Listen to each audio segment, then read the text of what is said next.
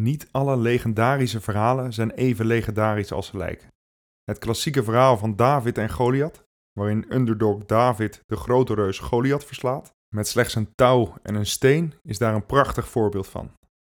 Ondanks zijn imponerende André de Giant-achtige verschijning leed Goliath aan een zeldzame aandoening, ook wel reusgroei genoemd. Met alle bijwerkingen in motoriek, gezichtsbeperking en de aanslag die het heeft op het evenwichtsorgaan, zou het eigenlijk een schande zijn geweest als David niet had gewonnen. Maar ja, we willen nu eenmaal horen wat we willen horen. Aan de andere kant zijn er ook legendarische figuren, die om welke reden dan ook geen legende zijn geworden. Renners waar ergens in de carrière de mythe als een lekke band is gestrand. Janus Koem is er zo eentje. Luister verder. De kant hier eh, gaat hij erover, gaat hij erover, gaat hij midden, gaat hij midden, of is het bot? Het is Van Aert! Het is Van Aert! En nog blijft hij dat reusachtige verzet rondmalen. right now. Oh, this is absolutely fantastic. What a finale. In fact, I'm asking myself. It's going to be a huge win. Oh, look at Van go. Inimaginable, inimaginable. Christopher Froome est à pied. Boss yet again. On any terrain she wins. Marianne Vos. Aanklampen, wat harken op eh, die klim. Maar dan beseffen, als de rest gaat zitten, dan ga ik door. Stoempende vedettes, elegante gesoigneerde hardrijders, snokkende Colombianen en hopeloos gelosten. De koers is meedogenloos, ongrijpbaar en heroïs tegelijkertijd.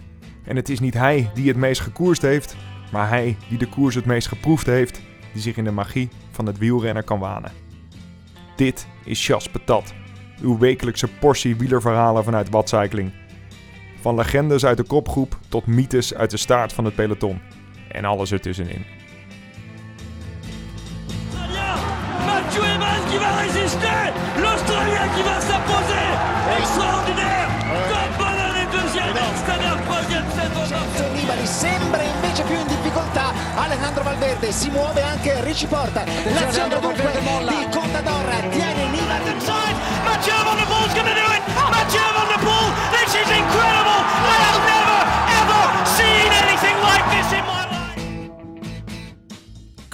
laude. Eind jaren 80 is Janus voorbestemd om ooit toerwinnaar te worden. Als Eddy Merckx en José de Kouwer dat beweren, dan is het immers zo. Een renner zonder verleden, maar met een heden en een toekomst die er nooit echt kwamen. Op meerdere fronten een persoon van de buitencategorie, maar zijn mythe zou helaas nooit een memorabele legende worden. Geboren in het Estse Tallinn, dat aan het eind van de Tweede Wereldoorlog door de Russen werd ingelijfd, maakte hem op het eerste oog slechts één van de honderdduizenden wielrenners die Rusland in die tijd rijk was. Maar niets is minder waar. Janus rijdt op zijn elfde al renners van 4 à 5 jaar ouder volledig de gruzelementen in. En als in de wintermaanden trainen op de weg onmogelijk was, gooide hij hoge ogen bij het zaalvoetbal, basketbal en hockey, waar hij zogezegd zijn fietsconditie op peil hield. Een generalist met maar één doel voor ogen: profwielrenner worden.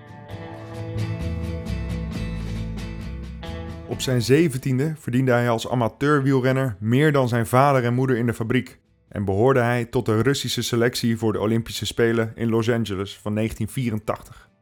Tot zijn grote teleurstelling besloot de Sovjet-regering tot een boycott en besloot Janos daarmee het stuur om te draaien en het over een hele andere boeg te gooien.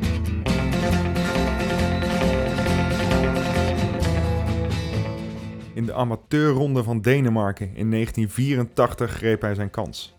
In het holst van de nacht, terwijl zijn kamergenoot diep in zijn remslaap aan het recupereren was, vluchtte hij met wat fietskleren als enige bagage naar Oslo in Noorwegen. De Noorse nationaliteit was zo geregeld en hij werd direct nationaal kampioen tijdrijden. Noorwegen had er een toprenner bij. Na wat klinkende overwinningen in het amateurcircuit en een weergeloze overwinning op de Mont Faron tekende Janus Koem op een aangename zomerdag in augustus 1986 als 21-jarige renner een profcontract bij de Toshiba-ploeg. U weet wel, die ploeg met illustere figuren als Bernard Hinault en Greg LeMond. Woonachtig in een afgelegen Zwitsers appartement verliest hij zich volledig in zijn vak. De wielersport is alles wat hij heeft, want de rest is in Rusland achtergebleven. Iedere ochtend en avond leest hij boeken over medische begeleiding, voeding en biomechanica. En hij kruipt stevast om 9 uur in bed. Bij de inspanningen tegen de klok laat hij zich direct zien en claimt een plaatsje tussen erkend tijdrijders als Hinault, Le Mans en Bernard. Nadat hij tweede weet te worden in de Italiaanse semi-klassieker Coppa Sabatini, krijgt hij officieel de naar smeer ruikende stempel van groot talent op zich gedrukt. Binnen de ploeg werd besloten zuinig met deze toekomstige wielergod om te springen en hem in een knechtenrol naar de voorjaarsklassiekers te sturen, om wat koerservaring op te doen. Hij voelde zich echter eenzaam, een eenling in een ploeg vol nationaliteiten. Geen steun van de familie die hij zonder iets te melden had achtergelaten in zijn vlucht. Gevangen in zijn hoofd en zijn fietskunde louter etalerend in dienst van een ander. Doodsbenauwd dat zijn familie naar aanleiding van zijn uitspraken of prestaties zou worden gestraft, reed hij in stilte op halve kracht zijn ritten. Voor de buitenwereld een goudfazant tussen de duiven op de dam en voor zichzelf een ongewenste Russische indringer in het peloton. Zijn hoofd begon steeds harder te werken en zijn benen steeds minder.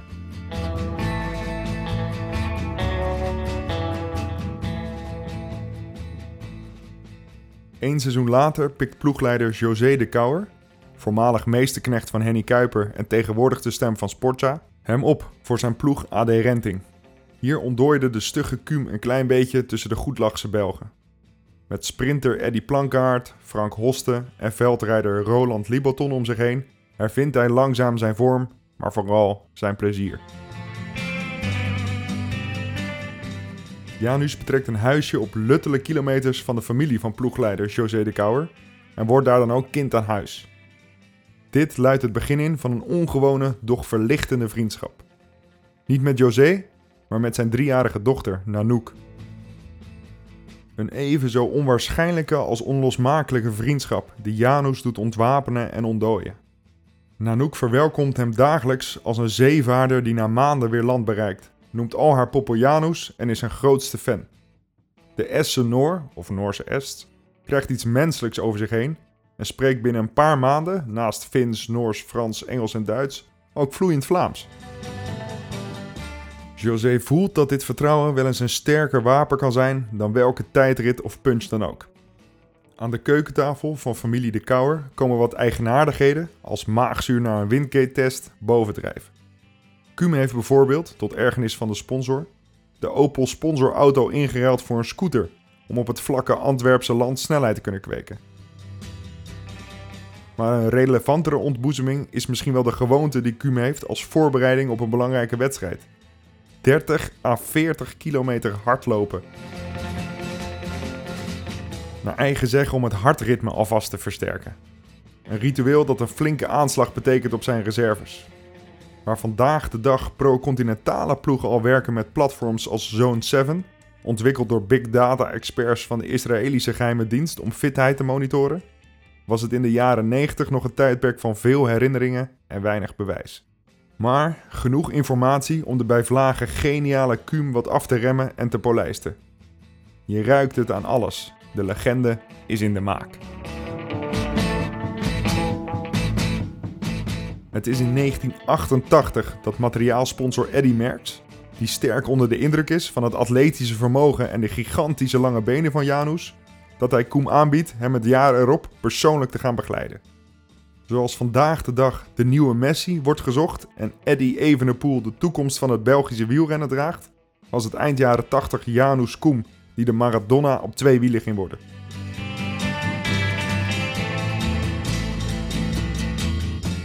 Het sprookje was eigenlijk al geschreven. Het moest alleen nog even gebeuren. Maar zover zou het nooit komen. De man die op de fiets wilde laten zien wie hij was, kwam er nooit achter wie hij was. Cum is niet terug te vinden in de annalen van de Tour de France. En zelfs niet meer op deze planeet. Op 27 augustus 1998, exact 12 jaar nadat hij zijn eerste profcontract tekende, maakt Cum er op 33-jarige leeftijd een einde aan in zijn woning in Oslo. De enige mythe die rond Kuhn is blijven hangen, is die van waarom? Was het zijn failliete wielerzaak in de VS?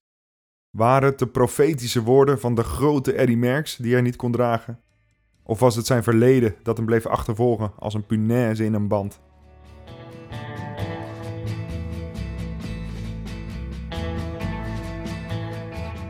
Het magere wat overblijft in de geschiedenisboeken is Milaan Sanremo, 84ste. Gent-Weverum, 29ste. De Amstel Gold Race, 24ste. Luik-Bastenaken-Luik, 19e en Parijs-Nice, 8ste. Een schamel palmares voor iemand met de benen van Bonfire, de longen van Olar Einar Björndalen en de multigetalenteerdheid van Spinoza.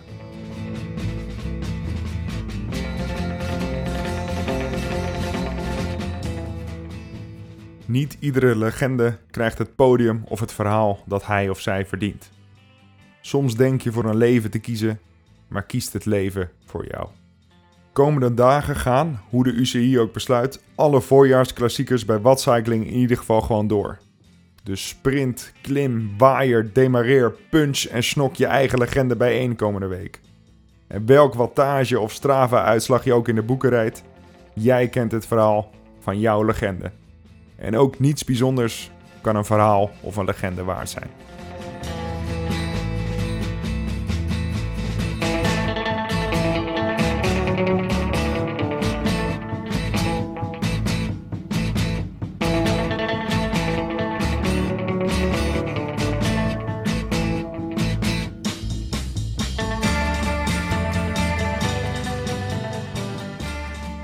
Bedankt voor het luisteren naar Chas Patat. Abonneer je op het Chas Patat kanaal om op de hoogte te blijven van nieuwe afleveringen. En het helpt ons ook weer om gevonden te worden door nieuwe luisteraars. Lees je liever zelf? Ga dan naar watcycling.nl slash chas patat. Want het is de streep die telt.